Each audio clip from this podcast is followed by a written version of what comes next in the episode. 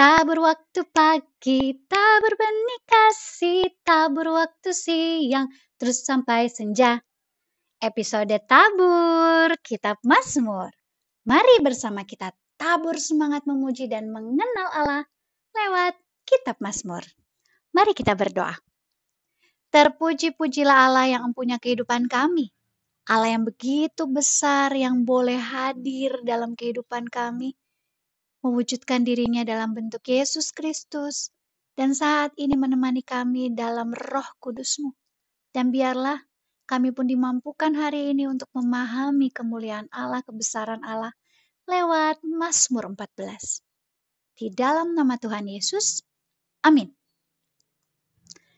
Mazmur 14, kebebalan manusia. Dari awal Mazmur langsung disajikan bahwa tidak ada yang berbuat baik. Rasa-rasanya kondisi moral yang buruk tidak hanya dialami pada tulisan Mazmur ini ya. Kita juga jadi saksi adanya kemerosotan moral yang tampak dalam perilaku, baik secara langsung maupun dalam kehidupan sosial media. Tidak bisa dipungkiri kecepatan informasi membuat proses berpikir menjadi lebih dangkal Syukur yang bisa berlatih berpikir cepat dan punya filter dalam menyaring informasi. Ini semestinya dimiliki oleh orang dewasa karena perkembangan kognitifnya sudah jauh lebih kompleks daripada anak-anak. Namun ketika proses orang dewasa dalam memiliki filter ini tidak berkembang dengan baik dalam hal ini moral, maka akan berdampak juga pada proses berpikirnya dan itu pun akan terlihat dalam perilakunya. Nantilah ya kapan-kapan kita bahas tentang perkembangan kognitif dan moral ini. Coba kita balik lagi ke kondisi Mazmur ini. Rasul Paulus mengutip sebagian Mazmur ini dalam Roma 3. Ia mau menunjukkan bahwa orang Yahudi maupun bukan Yahudi ada di bawah kuasa dosa dan bahwa seluruh dunia bersalah di hadapan Allah. Lebih lanjut dijelaskan dalam 1 Yohanes 5 ayat 19. Kita tahu bahwa kita berasal dari Allah dan seluruh dunia berada di bawah kuasa si jahat. Artinya, pemazmur ini cerita tentang kerusakan kodrat manusia. Keberdosaan kita sejak dikandung dan dilahirkan. Bercerita tentang kerusakan umat manusia dan tentang sebagian besar isi dunia ada dalam kefasikan. Tenang, seperti pemazmur dan ungkapan-ungkapan mazmur lainnya, tetap ada pengharapan akan kesembuhan dalam Kristus. Nah, dari mazmur ini, yuk kita pelajari ciri-ciri orang bebal supaya kita tidak menjadi salah satu di antaranya. KBBI menjelaskan bebal sebagai kata sifat yang berarti sukar mengerti, tidak cepat menanggapi sesuatu, dan bodoh.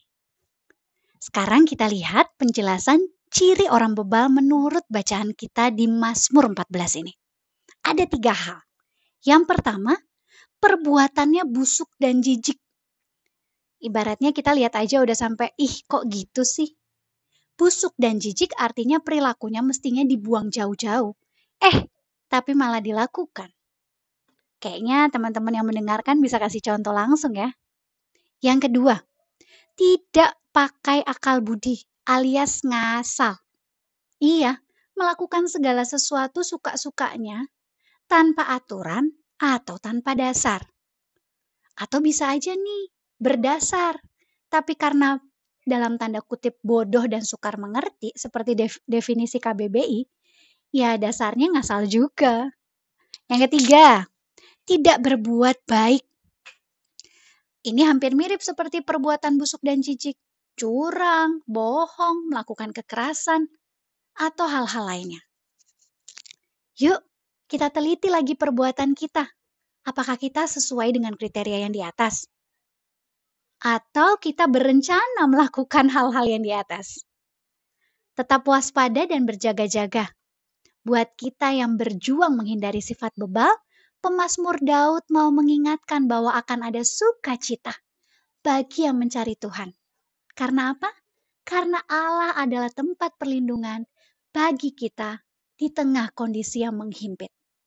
Mari kita berdoa. Tuhan Yesus, terima kasih.